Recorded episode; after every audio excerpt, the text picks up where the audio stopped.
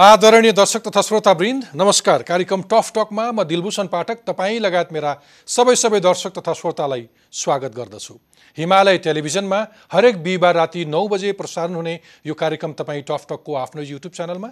Tough talk प्रस्तुतकर्ता interface नेपालको web page interface Nepal dot com र हाम्रो पात्रो एपमा हेर्न तथा आइएस चलाउने श्रोताहरूले आइट्युन्स र एन्ड्रोइड चलाउने श्रोताहरूले नेपाली पडकास्टमा पनि टफ टक सुन्न सक्नुहुनेछ। केन्द्रसँग अधिकार पुगेन भन्दै कचकच गरिरहने प्रदेश सरकारहरू आफ्नै जिम्मेवारीमा रहेका काम गर्न भने पटक पटक चुक्दै आएका छन्। यो साता प्रदेश दुई त्यस्तै अकर्मणीय बन्यो। प्रदेशसभा बनेको झन्डै दुई वर्षपछि भएको मतदानमा पनि राजधानी र प्रदेशको नामाकरण टुङ्ग्याउन सकेन। प्रदेशसभा सदस्यहरू नै विभाजित भएपछि प्रदेशसभाको नामाकरण र राजधानी सम्बन्धी चारवटा प्रस्ताव अस्वीकृत भए। अब लागौँ आजको विषयतर्फ। अहिले सिङ्गो संसारलाई कोरोना भाइरस कोभिड नाइन्टिनले गाँजेको छ। चिनबाट फैलिएको नोबल कोरोना भाइरस कोभिड नाइन्टिनको सङ्क्रमणका कारण संसारभर झन्डै आठ हजार मानिसको ज्यान गइसकेको छ भने करिब एक लाख अस्सी हजारभन्दा बढी मानिसहरू सङ्क्रमित छन् र सङ्क्रमण र मृत्युको क्रम तीव्र छ। सङ्क्रमण फैलेका धेरै मुलुकहरूले स्थल र हवाई आवागमन बन्द गराएका छन्। विद्यालय उद्योग धन्दा कल कारखाना लगायत मान्छेको भिडभाड तथा आवत जावत हुने अधिकांश गतिविधिमा रोक लगाइएको छ। संसारभर नै यो भाइरस फैलिन थालेपछि विश्व स्वास्थ्य सङ्गठनले महामारी घोषणा गरी आवश्यक सावधानी अप्नाउन अपिल समेत गरिसकेको छ। दक्षिण एसिया लगायत नेपालको सीमा जोडिएको भारतमा पनि कोरोना भाइरसका बिरामीहरू बढ्न थालेपछि त्रास बढेको छ। यो साता मात्र सार्कका आठवटा मुलुकहरू बिच कोरोना भाइरस नियन्त्रणका लागि संयुक्त प्रयास गर्ने सहमति भयो। आठवटै राष्ट्रका नेताहरूले भिडियो मार्फत छलफल गर्दै नियन्त्रणका लागि साझा कोष बनाउने प्रतिबद्धता जनाएका छन् जसमा भारतले करिब एक अर्ब रुपियाँको घोषणा गरिसकेको छ भने चिनले पनि नेपाललाई आवश्यक सहयोग गर्ने प्रस्ताव गरेको छ। जोखिममा पर्न सक्ने सम्भावनालाई ध्यानमा राखी नेपाल सरकारले पर्यटक आवागमनमा कटौती गरेको छ। सीमा नाका र विमानस्थलमा यात्रुको स्वास्थ्य परीक्षणको व्यवस्था मिलाएको छ। तर जुन स्तरमा सङ्क्रमणको त्रास छ त्यो स्तरको तयारी नपुगेको जनगुनासो पनि सुनिँदैछ। पूर्वाधारको अभावमा कदम कदाचित नेपालमा पनि यसको सङ्क्रमण बढे त्यसले अन्यत्र भन्दा भयाभय रूप लिन सक्ने त्रास पनि फैलिरहेको छ। तर वास्तविक अवस्था के हो? पछिल्लो सङ्क्रमणबाट बच्नका लागि हाम्रा सरकारी संरचनाले कस्तो काम गरिरहेका छन्? विश्वभर महामारी फैलिसक्दा पनि नेपालमा चाहिँ किन अझै जनता विश्वस्त हुने खालको चुस्त व्यवस्थापन हुन सकिरहेको छैन? हाम्रो जनस्वास्थ्यका संयन्त्रहरू कस्ता छन् र तिनको क्षमता कस्तो छ? भाइरस फैले हालको अवस्थामा हाम्रा संयन्त्रहरू कसरी परिचालन हुन्छन्? अर्थतन्त्र पर्यटन लगायतको क्षेत्रमा यसले पारेको प्रभाव जोगाउन सरकारले कस्तो खालको तयारी गरेको छ? यस्तै प्रश्नको जवाब खोज्न आज मसँग हुनुहुन्छ सरकारद्वारा गठित कोरोना भाइरस रोकथाम तथा नियन्त्रण उच्च स्तरीय समितिका सदस्य संस्कृति पर्यटन तथा नागरिक उड्डयन मन्त्री योगेश भट्टराई। आउनु स्वागत गरौँ आजका मेरा अतिथि सत्तारूढ दल नेकपाको स्थायी समिति सदस्य समेत रहनुभएका मन्त्री भट्टराईलाई। मन्त्रीज्यू टफटकमा स्वागत छ। एकदम हस् धन्यवाद। आरामै हुनुहुन्छ? हजुर ठिक छु। के महामारी आइलाग्यो यो? तपाईँ ठ्याक्कै मन्त्रालय सम्हाल्दा सम्हाल्दै? यो कसैको कन्ट्रोलमा छैन। छैन। अप्रत्याशित। म तपाईँ आफूले सम्हालेको मन्त्रालय पर्यटनको क्षेत्रमा क्रमैसँग आउँछु। तर तपाईँ आफै पनि सरकारले गठन गरेको कोरोना महामारीको रोग नियन्त्रण तथा रोकथाम उच्च स्तरीय समितिको सदस्य भएको कारणले तपाईँलाई मैले त्यतैबाट सुरु गरेँ भलै मैले स्वास्थ्य मन्त्रीजीको पछि लागिरहेको छु उहाँले समय दिन सक्नु भएको छैन। कस्तो तयारी छ सरकारको?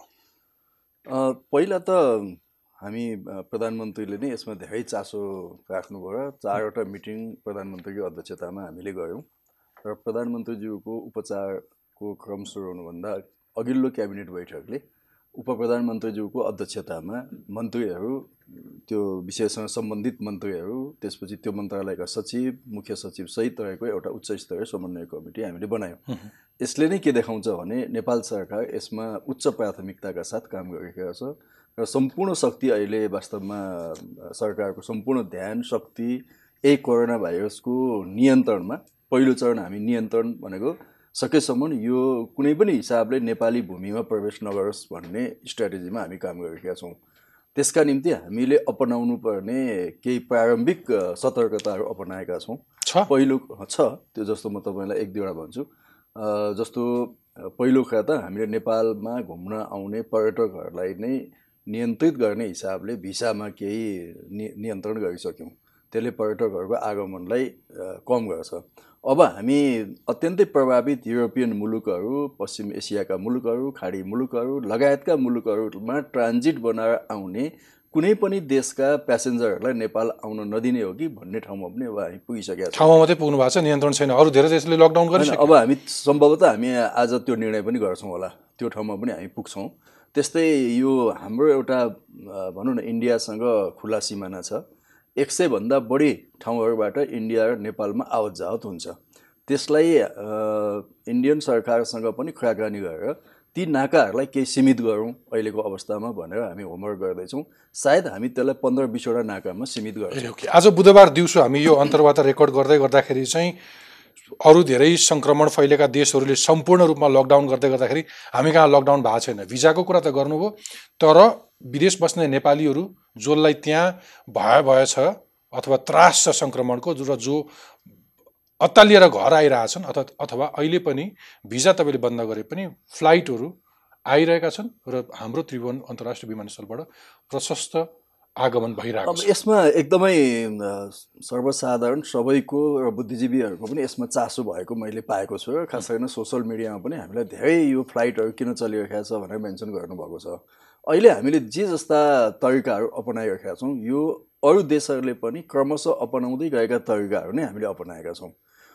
कोरोना इफेक्टेड मुलुकहरूले सुरुमा के गर्नुभयो त्यसपछि सेकेन्ड स्टेपमा के गर्नुभयो थर्ड स्टेपमा के गर्नुभयो यो सबै स्टेपहरू लगभग हामीले त्यसरी नै फलो गरेका त्यो बेलामा यति धेरै त्रास जस्तो तपाईँलाई। म बताउँछु चाइनाबाट हप्तामा साठीवटा जति फ्लाइट हुन्थ्यो अहिले ती फ्लाइटहरू हप्तामा दसभन्दा कम छन्।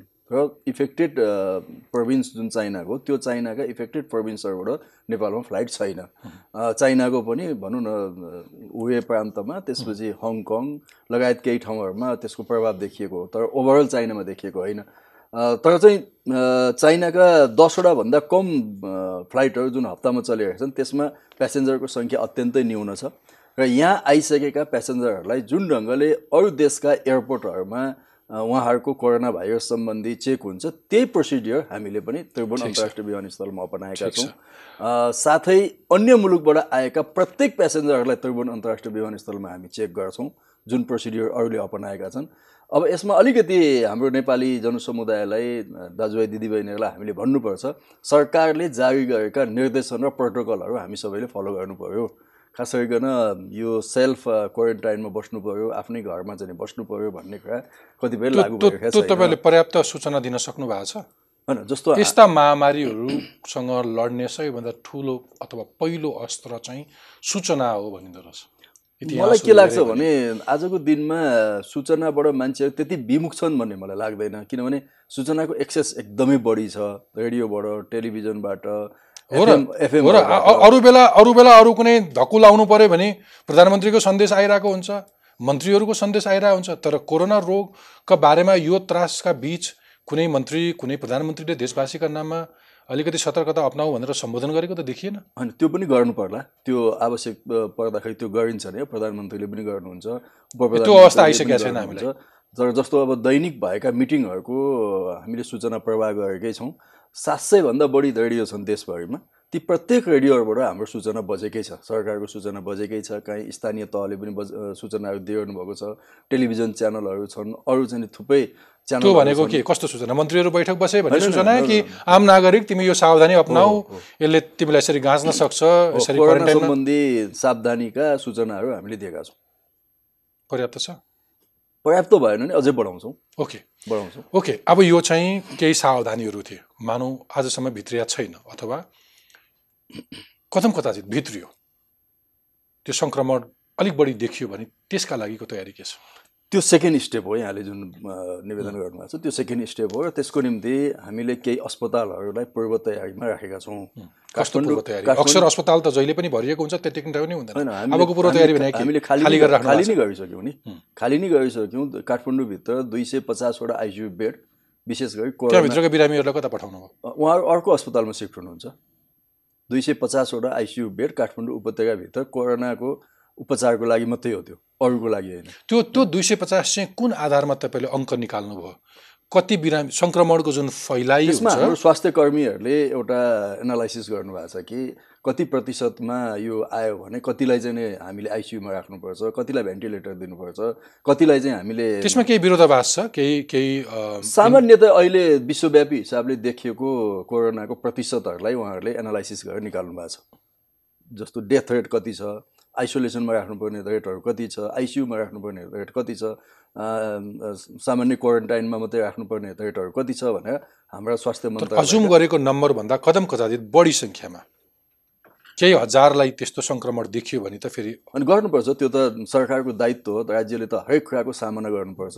त्यति बेला मेरो जस रियालिस्टिक हिसाब छ भेन्टिलेटर र आइसियु होइन हामीसँग भएका साधन स्रोतहरूको म्याक्सिमम प्रयोग गर्ने गरी जनशक्तिको पनि म्याक्सिमम प्रयोग गर्ने गरी गरेका छौँ। र अहिले पछिल्लो दिनमा त राम्रो कुरा के हो भने जस्तो वर्ल्ड ब्याङ्कले पनि डब्लुएचओले पनि तर इभन चाइनाले पनि हामीलाई आवश्यक पऱ्यो भने हामी जनशक्ति पनि दिन्छौँ। आवश्यक पऱ्यो भने तपाईँहरूको अस्पतालहरूको इन्हान्समेन्ट त्यसलाई चाहिँ वृद्धि गर्ने क्रममा पनि हाम्रो टे टेक्निकल सपोर्टदेखि अरू चाहिँ सपोर्टहरू तपाईँहरूलाई हुन्छ भन्नुभएको छ। र हाम्रो अर्थ मन्त्रालयको माध्यमबाट वर्ल्ड ब्याङ्क डब्लुएचओसँग पनि त्यस सम्बन्धमा हामी कुराकानी गरिरहेका छौँ। सायद सम्भवतः हामी आवश्यक पऱ्यो भने काठमाडौँको कुनै एउटा ठुलो अस्पताललाई सम्पूर्ण ढङ्गले खाली गर्नुपर्छ भन्ने सोचमा पनि छौँ। ओके तपाईँले प्रश्न उठाइहाल्नुभयो अस्ति चिनले हामी सहयोग गर्न तयार छौँ भनिसकेपछि नेपाल सरकारका तर्फबाट यी यी क्षेत्रहरूमा सम्भावना रहन सक्छ।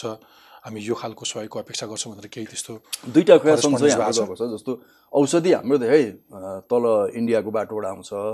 बिचमा औषधि अलिकति रोकियो भन्ने कुरा भइसकेपछि इन्डियासँग हाम्रो परराष्ट्र मन्त्रालय थ्रो हामीले कुरा गरौँ तर उहाँहरूले कुन कुन औषधि हो औषधिको नाम पठाउनुहोस् मात्रा पठाउनुहोस् भन्नुभएको छ। हामीले औषधि र औषधिको मात्राको सबै लिस्टहरू पठाइसकेका छौँ।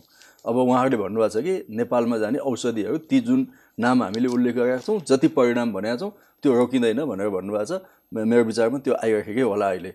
अ, अर्कोतिर च- चिनिया सरकारले उदारतापूर्वक हामीलाई चाहिँ सहयोगको कुरा गर्नुभएको छ। हामीले त्यसमा पनि आवश्यक होमवर्क स्वास्थ्य मन्त्रालय मार्फत गरिरहेका छौँ।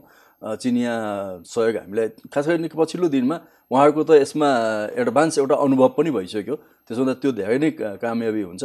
इटलीमा उहाँहरू औषधि लिएर स्वास्थ्य कर्मी लिएर जानुभएको छ भने नेपालमा पनि उहाँहरू आउन सक्नुहुन्छ। त्यो आवश्यकता पर्दा कुनै पनि बेला चिन सरकारलाई हामी सहयोगको लागि आह्वान गर्छौँ। ओके अर्को एउटा मैले अरू देशहरूको केही केस स्टडिजहरू हेर्दै गर्दाखेरि र यहाँका विज्ञहरूलाई सोध्दै गर्दाखेरि एउटा गुनासो के थियो भने यस्तो केसमा एउटा संयन्त्र हुन्छ। त्यो भनेको जनस्वास्थ्य कर्मीहरूको प्रोफेसनल्सहरूको संयन्त्र बन्छ जसले को कति क्वारेन्टाइनमा बस्यो बसेन को कतिले आइसोलेसनमा बस्नुपर्ने डिसिप्लिन मेन्टेन गर्यो गरेन एउटा सचेतना पनि कम छ हामी कहाँ? र ऊ त्यो आइसोलेटेड स्थितिमा बस्न नचाहन पनि सक्छ। तर उसले अथवा अथवा तपाईँहरूले निर्धारण गरेका केही प्रोटोकल्सहरू फलो गर्यो कि गरेन भनेर त्यो मोनिटरिङ गर्ने संयन्त्रै छैन भन्ने गुनासो सुन्यो अवश्य हो किनभने? यो हाम्रो लागि एउटा नयाँ र अचानक आइरहेको होइन? हामी एउटा बाटो हिँडिरहेको मान्छे बाटो चाहिँ नै युटर्न गरेर अर्को बाटो जाँदाखेरि अवश्य पनि त्यो नयाँ बाटोमा केही समस्या त हुन्छन् नै। तर चाहिँ त्यति समस्या हुन्छन् भन्दा भन्दै पनि ती समस्या हल गरेर जानुपर्ने त फेरि हामीले नै हो सरकारले नै हो राज्यले नै हो त्यो हामी जान्छौँ। स्वास्थ्य मन्त्रालयसँग यसमा विशेषज्ञ साथीहरूको टिम छ स्वास्थ्य कर्मीहरूको टिम छ उहाँहरूले डेली सरकारी संयन्त्रमा रिपोर्ट गर्नुभएको छ। त्यसपछि हामीले एयरपोर्टमा अब नयाँ एप्सहरू विकास गरेका छौँ। जस्तो कि एयरपोर्टमा इन्ट्री हुने कुनै पनि प्यासेन्जर चाहिँ कहाँ गएर बस्नुहुन्छ? कुन होटलमा बस्नुहुन्छ? कुन घरमा बस्नुहुन्छ? त्यो त केही अत्तो छैन तपाईँहरू होइन त्यो हामीले आजदेखि एप्सहरू विकास गरिरहेका छौँ र त्यो एप्स मार्फत अब हामी विशेष गरिकन विदेशी पर्यटकहरूको त्यसमा सबै प्रोफाइलहरू चाहिँ हामी लिन्छौँ। उहाँहरू कहाँ कहाँ बस्नुहुन्छ भन्ने कुरा लिन्छौँ। साथै अब एउटा कुरा के हो भने यसमा जनस्तरबाट पनि स्वतःस्फूर्त सहयोग हुनुपर्छ। विशेष गरिकन अब मिडियामा कहिलेकाहीँ भनौँ न गलत मान्छेहरूले गलत सूचनाहरू पनि दिन्छन् भड्काउने कोसिस पनि हुन्छ। यही मौका हो सरकारको विरुद्धमा यसलाई हतियारको रूपमा प्रयोग गरौँ न भन्दाखेरि त्यो अनैतिक काम हुन्छ। त्यस्ता अनैतिक काम कसैले पनि गर्नु हुँदैन यस्तो मौकामा। सबैले हामीले संयमता अपनाउनुपर्छ र सरकारको तर्फबाट पनि हामीले के भनिरहेका छौँ भने सूचनाहरू हामी एकद्वार गर्छौँ है। होइन हरेक मन्त्रालयले जान्ने भएर आफू आफू निर्णय गर्दै आफू आफू सूचना दिने होइन कि हामीले केही पनि निर्णय गर्छौँ। उप प्रधानमन्त्रीको नेतृत्व कमिटीमा गर्छौँ त्यो निर्णयलाई प्रत्येक मन्त्रालयले फलो गर्छ र पब्लिक सूचनाहरू स्वास्थ्य मन्त्रालय मार्फत जान्छन्। अस्ति स्वास्थ्य मन्त्रीले पत्रकारले केही प्रश्न सोद्धाखेरि मेरा घरमा पाहुना छन् भनेर हात हलाउँदै हिँडेर देखाएको थियो। त्यो चाहिँ मलाई कस्तो लाग्छ सूचना प्रभावले हुन्छ त? होइन होइन त्यो वास्तवमा पत्रकार साथीहरूले पनि संयमता अपनाउनु पर्छ। कस्तो बेलामा कुन अवस्थामा कि त उहाँहरूसँग पहिले टाइम लिएर आउनु पर्थ्यो म तपाईँसँग यो विषयमा सोध्न आउँदैछु भन्नु गएको दुई हप्तादेखि म पनि मैले पनि उहाँसँग समय मागिरहेको छु पाएको छैन। होइन त्यो दिन म पनि उहाँसँग हामी- चाहिँ। प्रधानमन्त्रीको स्वास्थ्य स्थिति बुझ्न टिचिङ अस्पताल गएका थियौँ। राति निकै अबेर भएको थियो। त्यो घटना तपाईँले उठाइभएको उठाइरहनु भएको हुनाले मैले प्रश्न पारिहाल्छु। सायद आठ नौ कति बजेको थियो हामी टिचिङ हस्पिटल पुग्दाखेरि।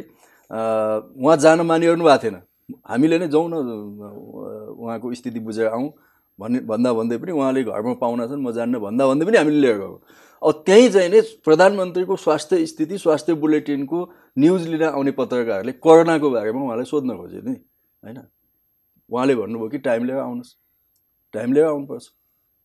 ठिक छ त्यसमा चाहिँ नि चौबिसै घन्टा हामी तयार छौँ कुनै पनि कुरा भन्न त तयार छौँ तर एउटा शिष्टता सबै ठाउँमा कायम होस् भन्ने तपाईँहरूले सिकाएको कति कुराहरूमा तपाईँले आफ्नो अनुकूलता अनुसार पत्रकारहरू परिचालन गर्नुहुन्छ आफ्ना एउटा- सूचना दिनुहुन्छ ठाउँ बेठाउँ बेला न कुबेला तपाईँहरूले नि खोज्ने पनि हो नि त मिडियालाई। तपाईँ एकजना कति यस्तो ठाउँमा त्यसरी? पत्रकार भएको नाताले सायद मभन्दा ज्यादा तपाईँ यसमा अनुभवी हुनुहुन्छ कि एउटा उत्तर दिने मान्छेले अहिले म तयार छुइनँ भन्न पाइन्छ। भन्न पाइन्छ नि त। भन्न पाइन्छ।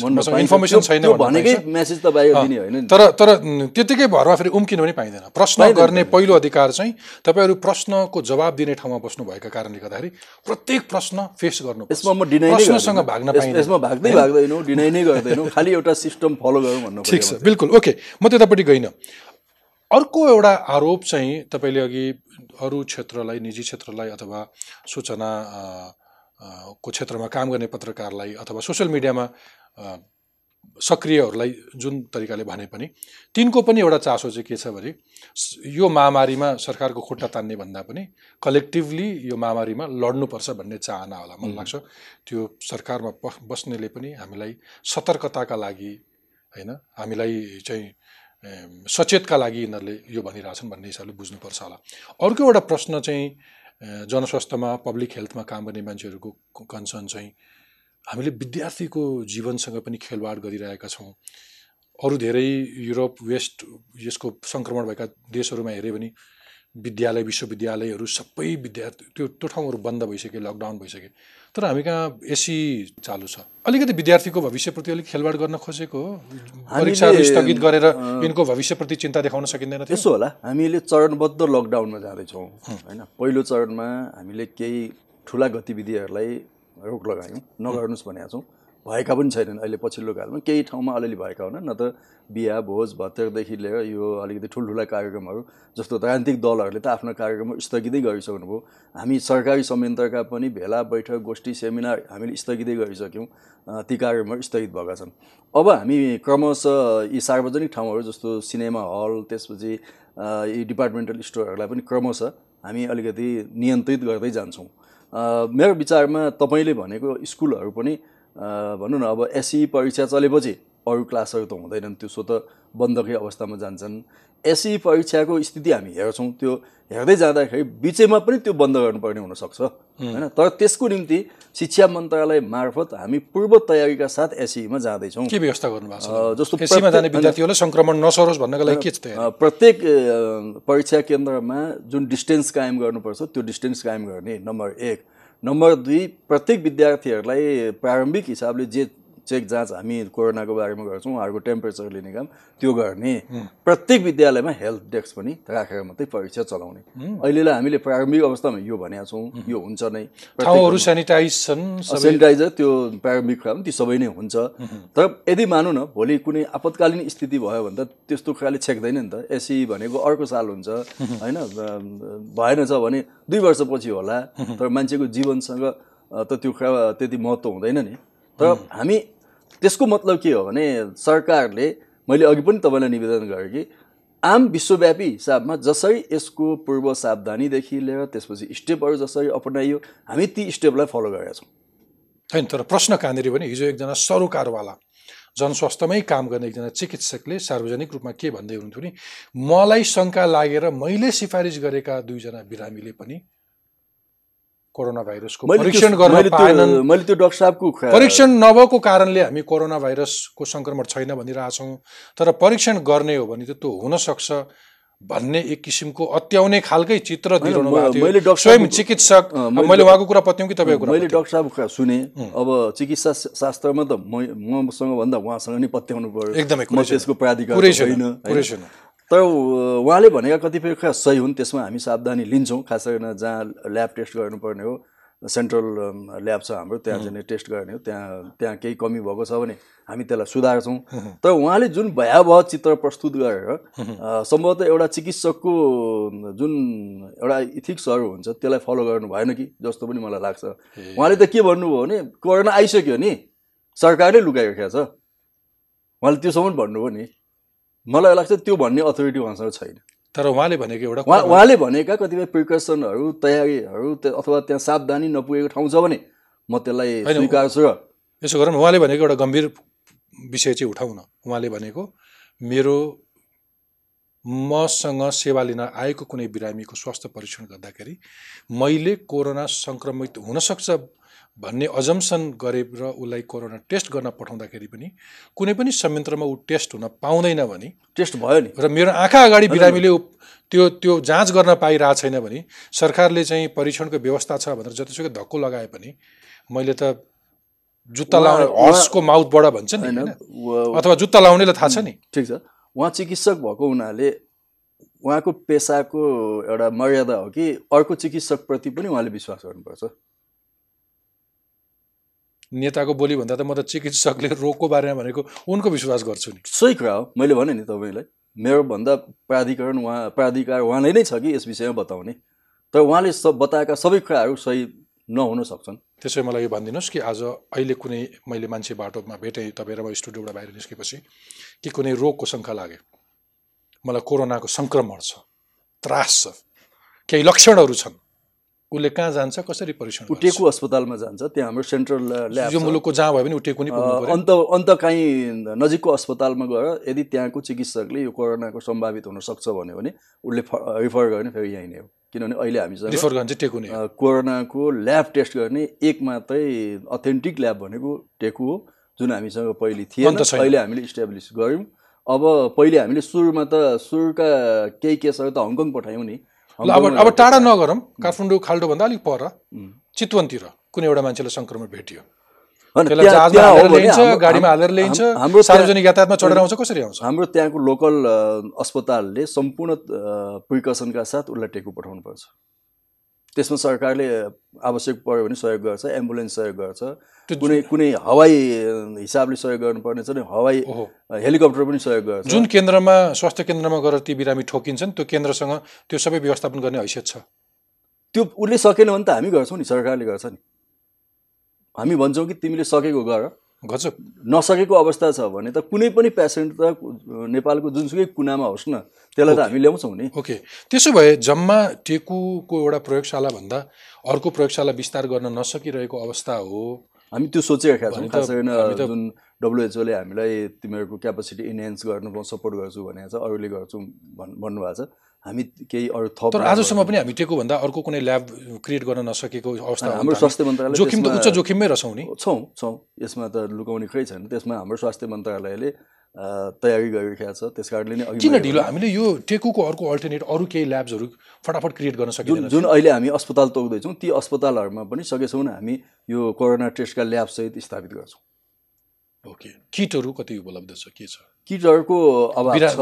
चिकित्सकहरू आफै असुरक्षित अवस्था अभाव छ। तर अस्ति हामीले निर्णय गरेका छौँ पर्याप्त सङ्ख्यामा किन्ने। हाम्रोमा एउटा चाहिँ सार्वजनिक खरिद ऐन छ। त्यो ऐनले कहिलेकाहीँ हामीलाई बाधा दिन्छ। अस्ति हामीले बैठक गरेर के भनेको छौँ भने यसमा सार्वजनिक खरिद ऐन लाग्दैन। कहिले किन्ने कसरी किन्ने? होइन प्रोसेस भइसक्यो नि। किन्न स्वास्थ्य मन्त्रालयलाई पैसा निकास भइसक्यो। उहाँहरूले सम्भवतः धेरै किनि पनि सक्नु भएको छ किनेर स्टोर गर्नु भएको छ कहीँ माग्नुभयो भने हामी त्यो अस्पताललाई दिन्छौँ स्वास्थ्य कर्मीलाई दिन्छौँ। होइन गाउँ गाउँमा माग्नुभयो भने पनि त्यो दिन्छौँ। त्यसको अभाव हुँदैन। ओके ठिक छ। अलिकति धेरै मान्छेको गुनासो चाहिँ स्वयं देश हाँक्ने मुलुकका प्रधानमन्त्री आफै बिरामी परिरहेको अवस्थामा तिमीहरू योभन्दा बढी के अपेक्षा गर्छौ भनेर एक किसिमको छेडखानी गरेको पनि अथवा एक किसिमको चित्त बुझाएको अवस्था पनि देखियो। तपाईँलाई त्यस्तो लाग्छ तपाईँलाई अलिक प्रपर सम्बोधन हुन सक्थ्यो? प्रधानमन्त्रीको स्वास्थ्यसँग यसमा जोड्नुपर्ने कुनै पनि आवश्यकता छैन। अब प्रधानमन्त्रीले हिजो जस्तै काम गर्न सक्ने अहिले पनि अवस्था भएको भए पक्कै पनि एक दुई स्टेप यसमा पोजिटिभ हुन्थ्यो नै म त्यसलाई नकार्दिनँ किनभने उहाँको ठाउँबाट डिसिजन दिनुपर्ने कतिपय कुराहरू हुन्छन्। तर उहाँले जुन कमिटी बनाएर उहाँ जानुभएको छ नि उप प्रधानमन्त्रीको अध्यक्षतामा उहाँले के भन्नुभएको छ भने यो कमिटीले जुनसुकै पनि निर्णय गर्न सक्छ। नीतिगत निर्णय गर्न सक्छ अरू कतिपय निर्णय गर्न सक्छ मान्छे खटाउन सक्छ भोलि नेपाललाई चाहिँ लकडाउन गर्नु पऱ्यो भन्ने निर्णय पनि यो कमिटीले गर्न सक्छ। फुल अथोरिटीका साथ यो कमिटी छ। त्यस कारणले यसमा कुनै शङ्का गर्नु पर्दैन। अब प्रधानमन्त्री पनि भनौँ न उपचारबाट फर्किसक्नु भएको छ। हल्का हल्का ढङ्गले काममा पनि फर्किनु भएको छ। स्वाभाविक उहाँसँग अब हामी जोडिँदै जान्छौँ। सन्तुष्ट हुनुहुन्छ प्रधानमन्त्री तपाईँहरूको काम कारवाहीबाट समितिले गरिरहेको काम? आफै स्वस्थ भएको भए अलिकति अग्रसरता हुन्थ्यो होला भन्ने पनि लाग्छ होला नि तपाईँलाई होइन। प्रधानमन्त्रीलाई उप प्रधानमन्त्रीले मुख्य सचिवले यसको बारेमा रिपोर्टिङ गरिरहनु भएको छ। हामीलाई त्यो उहाँहरूले बताउनु भएको छ। र केही नपुग कुराहरू प्रधानमन्त्रीले भन्नुभएको छ जुन हामी यो कमिटीको बैठकमा ल्याउँछौँ र निर्णय गरिरहेका छौँ। उहाँलाई चाहिँ कस्तो छ? स्वयं प्रधानमन्त्रीज्यूलाई कस्तो छ अहिले? तपाईँ त जाने होइन। प्रधानमन्त्रीज्यूको दोस्रो पटक मृगौला प्रत्यारोपण भएको हुनाले कुनै पनि मानवलाई पर्ने असर उहाँलाई परेको छ। यसलाई अन्यथा लिने कुरा भएन। तर हाम्रो प्रधानमन्त्री एकजना अजीब मान्छे हो कि उहाँको इच्छा शक्ति उहाँको दृढता उहाँको तदारुकताले गर्दा अरूलाई जति टाइम लाग्ला ठि- ठिक हुनलाई उहाँलाई त्योभन्दा छिटो ठिक हुने स्थिति हुन्छ। यो यो यो देवत्वकरण अलिक अनौठो लाग्छ होला मेरा दर्शकलाई सुनिरहँदाखेरि। त्योभन्दा पनि तपाईँले कहिले कहिले बढी प्रेसर दिइरहेको त हुनुहुन्न? होइन तपाईँले यो भन्दै गर्दा अजीब क्यारेक्टर हुन्छ गजब अदम्य साहस छ उहाँसँग गजब क्षमता छ। भन्दै गर्दाखेरि उहाँलाई पनि त्यही बाध्यता। विल चेयरमा लिएर आउनुपर्ने त्यो विधि हुँदा हुँदै त्यो सामान्य त्यो अघि तपाईँले प्रोटोकल भन्दै हुन्थ्यो सामान्य चलन छ नि यो अस्पतालमा। त्यत्रो सर्जरी गरेर एउटा किडनी ट्रान्सप्लान्ट गरेको बिरामीलाई विल चेयरमै ल्याइँदैन। त्यो त्यो दुईवटा हातमा समाएर घिसार्दै त्यो दुनियाँलाई देखाउनलाई तगडा हुनुहुन्छ प्रधानमन्त्री भने जस्तो होइन, भयो नि उहाँको- उपचार अलिक बढी प्रेसर भयो जस्तो लाग्दैन उहाँको उपचार र उहाँको केयरमा भएका केही कमजोरीहरू जो बाहिर मिडियामा पनि आए मलाई लाग्छ त्यसले आउने दिनमा उहाँको केयरमा खटिरहेका स्वास्थ्य कर्मीहरूलाई यसले गम्भीर ध्यान आकर्षण गरेको छ। उहाँहरूको पक्कै पनि उहाँहरूले आउने दिनमा त्यो कमीबाट सच्याउनुहुन्छ। अब तपाईँका पार्टी अध्यक्ष दुवैजनाको भेटघाट भइरहेछ प्रचण्डजी भेट्न गइरहनु भएको छ। स्वास्थ्यको चिन्ता बढी भइरहेछ कि फेरि पार्टीमा राष्ट्रसभामा कसलाई लाने फेरि अर्को कतापट्टि के मिलाउने एमसिसी के गर्ने भन्ने विषयमा पनि छलफल। अहिले पनि एक किसिमको अहि- अहिलेको चरण पूर्ण रूपमा प्रधानमन्त्रीको स्वास्थ्य लाभ गर्ने समय हो। उहाँलाई अरू कुनै दबाब दिनु हुँदैन। दबाब दिनु हुँदैन तर उहाँको इच्छाभन्दा ज्यादा प्रेसर पनि गर्नु हुँदैन। तर अहिले त बालोटार फेरि कुरा उहाँको इच्छा दोस्रो दुईवटा कुरा भन्छु। उहाँको इच्छा र चिकित्सकहरूको निर्देश हो? अहिले हामी हामी चिकित्सक होइनौँ त्यस मामलामा प्रधानमन्त्रीको लागि। होला म- मलाई पर्सनली प्रधानमन्त्रीसँग आजै भेटेर मेरो मन्त्रालयको कतिपय कुराहरू मैले छिनाउनु छ तर आज त्यो समय होइन मेरो लागि।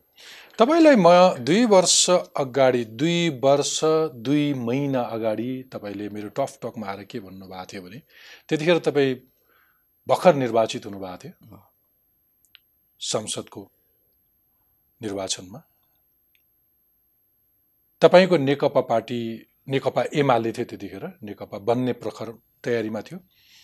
र सरकार बनाउने तयारी गर्दै गर्दा तपाईँले अरू कसैले साहस नगरेको कुरा तपाईँले के भन्नुभएको थियो भने अब केपी ओली पुष्पकमल दाल प्रचण्ड वामदेव गौतम माधव कुमार नेपाल झलनाथ खनाल लगायतका अन्यथा नबुझियोस् बुढा उमेर भएका नेताहरू चाहिँ अब हाम्रो सल्लाहकार भएर बस्नुपर्छ। अब हामी नयाँ पुस्तालाई दिनुपर्छ जिम्मेवारी भनेर भन्नुभएको थियो। छोडेनन् होइन? छोड्दैनन् छोड्न। चाहँदैनन् जुनसुकै अवस्थामा पनि। मेरो स्पिड अलिकति बङ्ग्याइया थियो त्यो बेला। मैले चाहिँ नि अब क्रमशः उहाँहरू अभिभावकत्वको भूमिकामा जानुपर्छ भनेको थिएँ। आज पनि म त्यो कुरा भन्छु। तर समय त्यतातिर क्रमशः जाँदै पनि रेकर्डमा छ मेरा दर्शकले खोजेर हो। हेर्लान् फेरि होइन म त्यसमा छब्बिस महिना अगाडिको तपाईँको। मैले बोलेको कुरामा म त्यसमा सचेत छु। आज पनि भन्छु कि अब समय त्यता ठिकै छ छब्बिस महिना भएछ त्यो सङ्केत देखाए त तपाईँलाई? तपाईँको आग्रहको? यस्तो नि तपाईँ चाहिँ त्यसको लागि पनि उपयुक्त समय चाहिन्छ उपयुक्त विधि चाहिन्छ एउटा पार्टी हो पार्टीको एउटा प्रक्रिया हुन्छ नेतृत्व हस्तान्तरण पनि त हामी एउटा डेमोक्रेटिक पार्टीमा तपाईँले मैले चाहेर मात्रै त हुँदैन नि। त्यसको एउटा महाधिवेशन हुन्छ प्रक्रियाहरू हुन्छ। अहिले भन्नुहुन्छ भने हामी एउटा पार्टी एकीकरण त्योभन्दा पनि उनको बढी आसक्तिपन अझ बढी लोभ बढे जस्तो लाग्दैन कहिले कहिले? त्यो कोणबाट अहिले विश्लेषण गर्नुपर्ने आवश्यकता छैन होइन? अब कुनै पनि नेताहरूलाई कोणबाट विश्लेषण गर्न त किन जग जाहेर छ नि जस्तो तपाईँले भनिरहेका नेताहरूमध्ये वामदेव गौतमजी स्वयंलाई निर्वाचनबाट हारेका मान्छेलाई राष्ट्रिय सभा जान रहर लाग्यो। राष्ट्रिय सभा ला जान रहर लागेको होइन कि मुलुकको नेतृत्वमा पुग्नलाई त्यो बाटो मात्रै अवलम्बन गरिएको त्यसले पार्टीमा एक किसिमको तरङ्ग ल्यायो पार्टी नै फुट्छ हामीले हामीले। एमालेको सन्दर्भमा एउटा मान्यता विकास गरेका थियौँ। सत्तरी वर्षको उमेरमा कार्यकारी पदबाट बिदा लिने सत्तरी वर्ष नागेपछि भनेका थियौँ। त्यो एउटा अभ्यास हामी गर्दै आएका थियौँ। र अर्को कुरा सँगसँगै फेरि पूर्व नेकपा एमालेको र अहिले अब नेकपाको पनि भनौँ न हामीहरू एउटा नेपालको राजनीतिमा मात्रै होइन सम्भवतः यो विश्वको राजनीतिलाई पनि एउटा नयाँ अनुभव हामी दिँदैछौँ कि। कुनै पनि पार्टीमा। पार्टी प्रमुख भइसकेको प्रधानमन्त्री भइसकेको मान्छे फेरि त्यही पार्टीमा अर्को आफूभन्दा जुनियर मान्छे प्रधानमन्त्री र पार्टी प्रमुख भएर पनि सँगै बस्छ र उसलाई सहयोग गर्छ। त्यो दृष्टान्त आज हामीले नेतृत्वको तहमा त्यो एउटा भनौँ न त्यो त्यो त्यो क्यारेक्टर हामीले विकास गऱ्यौँ। जस्तो उदाहरणको रूपमा तपाईँलाई बताउँछु होइन? झलनाथ खनाल अध्यक्ष पनि हुनुभयो पार्टी अध्यक्ष पनि हुनुभयो प्रधानमन्त्री पनि हुनुभयो। त्यति बेला केपी ओली त हुनुहुन्थेन। होइन? माधव नेपाल सेकेन्डमा हुनुहुन्थ्यो केपी ओली थर्ड पोजिसनमा हुनुहुन्थ्यो। तर आज केपी ओली पार्टीको अध्यक्ष पनि हुनुहुन्छ प्रधानमन्त्री पनि हुनुहुन्छ त्यो पार्टीमा झलनाथ खनाल पनि उहाँको मातहतमा बसिरहनु भएको छ। माधव नेपाल कुनै बेला पार्टी प्रमुख हुनुहुन्थ्यो प्रधानमन्त्री हुनुहुन्थ्यो आज बसिरहनु भएको छ। प्रचण्ड कामरेड त्यसरी बसिरहनु भएको छ। भने चाहिँ नेपालको राजनीतिमा एउटा नयाँ विशेषता पनि त हामीले बनायौँ। त्यसो हो कि अर्को मौका पर्खेर बसिरहनु भयो अनि अब अनेक कोणबाट त्यो छलफल हुनसक्छ। त्यही नै हो नि धेरै अर्थ त त्यो? छलफल हुनसक्छ। तर अर्को मौका पर्खिरहेको। मैले यसलाई एउटा भनौँ न नेतृत्वको हानाथाप लुछाचुडी यदि नमिल्ने बित्तिकै पार्टीको विभाजन समाजकै विभाजनतिर जुन हामी जान्छौँ त्यसमा कमसे कम हाम्रो नेतृत्वले धैर्यता त अपनायो नि त। ठिक छ। मान- मानुस यहाँले भनेकै लुचाचुडी नै होला। लुचाचुडी गर्न पनि त उसले मौकाको प्रतीक्षा गरेका छ नि। मौका भन्नाले महाधिवेशन।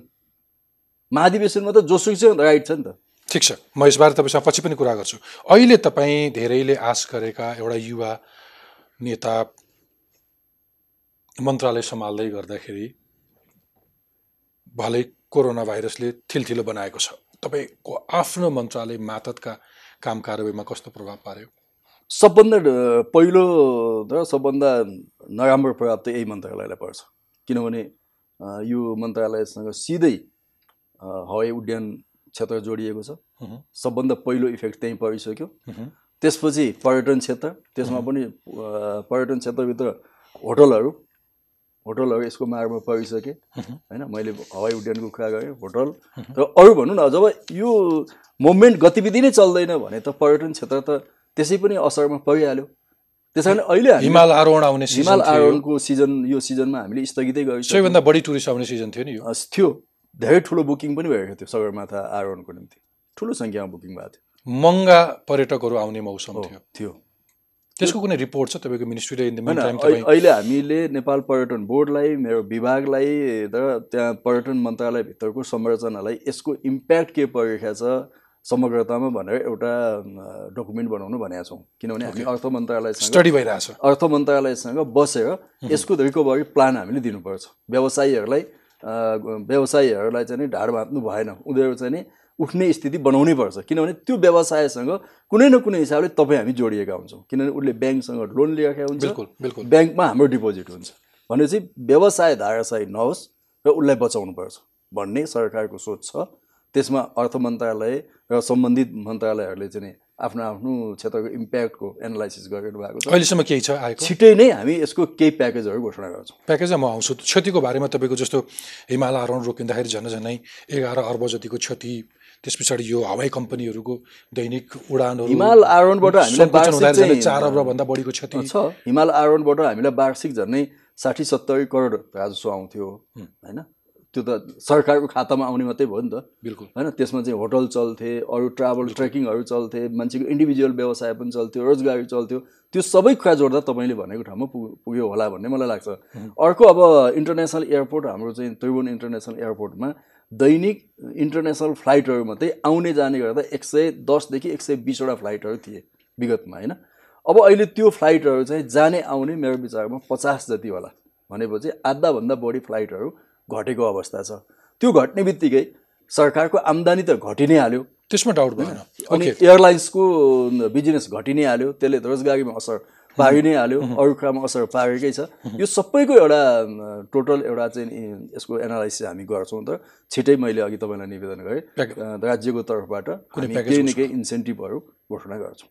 ओके त्यो भूकम्पको बेलाको जस्तो आफ्नो अनुकूलको अथवा अव्यवस्थित नगरेर त्यसलाई अलिकति व्यवस्थित गर्ने त्यसलाई अलिकति पारदर्शी बनाउने प्रयत्न पनि हुन्छ। हुन्छ किन भूकम्पको बेला पनि के अनुकूल कसले के गरेर त्यो बेला पनि हामीले सार्वजनिक स्कुल बनाएको हो सा सांस्कृतिक सम्पदाहरू क्षति भएका थिए ती नौ सय बिसवटा क्षति भएका थिए भूकम्पले अहिले हामीले चार सयवटा बनाइसकेका छौँ। अरू चाहिँ दुई वर्षभित्र सबै कम्प्लिट गर्छौँ हामी। सार्वजनिक विद्यालयहरू लगभग हामीले नाइन्टी पर्सेन्ट बनाइसकेका छौँ। अब व्यक्तिहरूलाई जुन घर बनाउनको निम्ति पैसा दिएको थियो कतिपयले इन्स्टलमेन्ट बुझ्नु भएको छ कतिपयले बुझ्नु भएको छैन। पुनर्निर्माण प्राधिकरणको पछिल्लो रिपोर्ट के छ भने त्यसमा हामी एट्टी पर्सेन्ट प्रगति ठिक छ त्यतापट्टि नजाउँ। मलाई आजकै विषयमा फोकस हुन। नेपाल भ्रमण वर्ष दुई हजार बिस मनाइरहँदाखेरि केही तयारीहरू थिए होला। त्यो त्यहाँ कति असर पर्यो त्यो त्यो कम्पन्सेट कसरी गर्ने योजना छ एउटा मन्त्री भएको हिसाबले गर्दा त्यसमा गम्भीर असर पर्यो तर हामीले तत्कालै अब भ्रमण वर्षका सबै कार्यक्रम स्थगित गऱ्यौँ। देशभित्र पनि देश बाहिर पनि स्थगित गरेका छौँ। अब ढिलो ढिलो मात्रै गर्नुभयो। होइन तत्कालै गऱ्यौँ। त्यो त तत्कालै गरिहाल्यौँ। जति बेला भनौँ न यसको सुरुमा हामी चाइनाबाट विद्यार्थीलाई उद्धार गर्ने बेलामा थियौँ त्यही बेला नै यसलाई स्थगित गरिसकेका थियौँ हामीले। अब अहिले चाहिँ भनौँ न यसलाई ट्वेन्टी थर्टीबाट जाउँ एक दशकमा एउटा अवधारणामा काम गरौँ भन्ने मेरो सोच छ। त्यसको निम्ति मैले केही साथीहरूलाई होमवर्क गर्न भनेको छु। होमवर्क हुँदैछ। हामी ट्वेन्टी थर्टीमा जान्छौँ। ट्वेन्टी थर्टीमा जाँदा दस वर्षमा पूर्वाधारहरूको निर्माणदेखि लिएर नयाँ डेस्टिनेसनहरू बनाउनेदेखि लिएर एउटा पर्यटन कल्चर विकास गर्नेदेखि लिएर इन्टरनेसनल एक्सपोजरसम्मका कामहरूमा दस वर्ष योजना बनाएर जान्छौँ। र अब अहिले तत्काल चाहिँ भनौँ न यो स्थिति अनुकूल भयो भने अहिले नै हामी अब इन्टरनल टुरिज्मलाई पनि आह्वान गर्दैनौँ। आह्वान गर्दैनौँ यो उपयुक्त मौका छैन किनभने मान्छे दसजना पच्चिसजना भन्दा बढी जम्मा नहुनु है भनेको छ कहाँ घुम्न जाऊ भन्नु पनि त मिलेन। त्यस कारण अहिले त सबै एक किसिमले लकडाउनमै जान्छ यो केही समय त्यस्तो हुन्छ नै। तर जब विश्व परिस्थिति अनुकूल हुन्छ एकपटक हामी चाहिने अ, एकदमै गतिका साथ इन्टरनल टुरिज्ममा हामी फोकस गर्छौँ। त्यसका केही प्लान ल्याउँछौँ। जस्तो भनौँ न हामी कर्मचारीहरूलाई चाहिँ लिभ दिन सक्छौँ। त्यसपछि कुनै ब्याङ्क वित्तीय संस्थाहरूले आफ्ना कर्मचारीलाई लिभ दिन सक्छ। त्यस्तै तपाईँको चाहिँ आम नेपाली जनतालाई नै एकपल्ट हामी आह्वान गर्छौँ कि देशभित्र घुम्न आउनुहोस् निस्किनुहोस् त्यो त्यो त्यो पर्यटक बढाउने कुरा भयो। तर अलिकति ब्रडर हेऱ्यो भने हामी कहाँ फेरि पूर्वाधारकै अभावहरू पनि छन्। सम्भवतः तपाईँलाई पनि त्यस्तो लाग्दो होला। कति केसमा चाहिँ विपद पनि अवसर लिएर आउँछ भने जस्तै अघिल्लो पटक भूकम्पले संविधान जारी गर्नलाई सबै पार्टीहरूले एक ठाउँमा जम्मा गर्न बेला भयो भने जस्तै अवसर क्रिएट गरे जस्तै। प्रशस्त पर्याप्त राम्रा गतिला पूर्वाधारहरू नभइरहेको अवस्थामा यो पनि अवसर हुनसक्छ नि तपाईँसँग त्यस्ता योजनाहरू थियो होला नि त्यस्तो केही योजना छ? पर्यटन प्रवर्धनको निम्ति आन्तरिक हिसाबले मान्छे जान ठाउँमा पुग्नको निम्ति त सडकहरू नै सुदृढ हुनु पऱ्यो त्यो अति नै महत्त्वपूर्ण कुरा हो। डोमेस्टिक एयरपोर्टहरू चाहिँ स्तरीय हुनु पऱ्यो अहिले हामीसँग चौन्नवटा एयरपोर्टहरू छन् ती चौन्नमध्ये बत्तिस तेत्तिसवटा एयरपोर्ट चलिरहेका छन्। भएका सबै एयरपोर्ट चलाउनु पर्नेछ।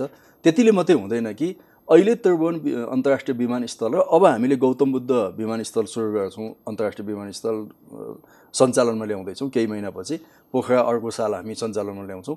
यतिले मात्रै नेपालको पर्यटनमा हामीले भने जतिको सङ्ख्या आउन सक्दैन क्यापासिटी पुग्दैन। त्यस कारणले नै हामीले भनेका छौँ कि निजगढ अन्तर्राष्ट्रिय विमानस्थल चाहिँ हाम्रो अर्जुन दृष्टि हुनैपर्छ। यदि निजगढ बन्न सकेन भने हाम्रो देशको पर्यटन जतिसुकै हामीले भाषण गरे पनि माथि उठ्न सक्दैन। किन आउने ठाउँ त यही छ नि त। भाडो त चाहियो नि त। भाडो नभइकन कहाँ आऊ भन्ने कहाँ पानी? त्यहाँभित्रका स्वार्थहरू अथवा कसैको इन्ट्रेस्टहरू चिरफार गर्ने त्यो बुझ्ने काम पनि भएको छ। बुझेको छु मैले। यसमा यसमा राष्ट्रिय भन्दा केही अन्तर्राष्ट्रिय चासोहरू छन् र ती अन्तर्राष्ट्रिय चासोहरूले राष्ट्रिय व्यक्तिहरूलाई अलिकति उत्तेजित बनाएको छ। त्योभन्दा बाहेक केही पनि छैन। केही पनि छैन। समग्रमा देशकै हितमा छ। त्यहाँ बनाउनै पर्छ त्यसको विकल्पै छैन। त्यही जङ्गलमै काट रुख काटेर बनाउनुपर्छ अब टर्कीको एयरपोर्ट बनाउँदा तपाईँको चाहिँ नि झन्डै झन्डै पच्चिस तिस लाख रुखहरू काटियो। त्योभन्दा त्यो जापानले चाहिँ फोर्मुला त्यो- थुपारेर एयरपोर्ट बनाएको राम्रो दृष्टान्त पनि होला नि तर त्यो भनेर मैले रुख काट्न कम्पिटिसन गर्नुपर्छ भनेको होइन। फोहोर मैलाको रासमा एयरपोर्ट बनाएका दृष्टान्त पनि छन् नि मुलुकमा। राम्रो कुरा सिक्न सकिन्छ। विकास र यो वन जङ्गलसँग सम्बन्धित कुराहरूमा कहिलेकाहीँ अन्तर्विरोधीपूर्ण कुराहरू आउँछन्। सरकारले यसलाई सन्तुलित ढङ्गले नै अगाडि बढाउँछ। अत्यन्तै न्यूनतम पर्यावरण क्षतिमा निजगढमा अन्तर्राष्ट्रिय विमानस्थल बनाउने। आवश्यक छ। आवश्यक छ। त्यही स्केलको। त्यही स्केलको। हुन्छ। त्यही स्केल भन्नाले यहाँले कुन भन्नु मैले बुझिनँ। जस जस अहिले बाहिर जे चर्चा चलेको छ ठुलो एयरपोर्ट। होइन कति ठाउँमा साना एयरपोर्टहरू व्यवस्थित रूपमा पनि सञ्चालन भएका हुन सक्छन्। तर त्यो तहमा त्यो खर्चमा त्यत्रो धेरै भूगोल ओगटेर अथवा त्यत्रो धेरै जङ्गलहरू विनाश गरेर अरू स्वार्थी समूहहरूलाई सहयोग पुर्याइरहेको उनका हितमा काम गरिरहेको अवस्था त छैन? हामी उन्नाइस सय हेक्टरभित्र एयरपोर्ट बनाउँदैछौँ।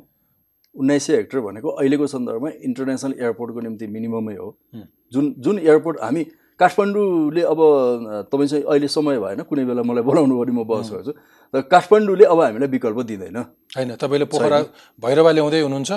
पोखरा पनि ल्याउँदै पुग्दैन। काठमाडौँ जबसम्म हामी राजधानीलाई हेरिराखेका छौँ तर हाम्रो पर्यटन हाम्रो आवागमनको इन्टरनेसनल नेटवर्किङको कनेक्सनको कनेक्टिभिटीको कुरा गर्दैछौँ। काठमाडौँसँग जोडिएको नजिकको ठाउँमा चाहिन्छ त्यस कारणले नै हामीले फास्ट ट्र्याक बनाएको फास्ट ट्र्याक न त हाम्रो एयरपोर्टसँग नजोडिने हो भने यो फास्ट ट्र्याकको औचित्य पुष्टि गर्न गाह्रो हुन्छ। फास्ट ट्र्याक किन चाहियो? अरू कामका निम्ति पनि चाहियो त्यो म त्यसमा डिनाइ गर्दिनँ। तर एयरपोर्टका निम्ति चाहियो कि त्यहाँ यी दुईवटा आयोजना एकअर्कासँग जोडिएर जान्छ र त्यसबाट अधिकतम लाभ लिन सक्छौँ देशका लागि राम्रै हुन्छ। तपाईँको बुझाइ। हुन्छ। मन्त्रीज्यू तपाईँको महत्त्वपूर्ण समय र तपाईँलाई धेरै धन्यवाद।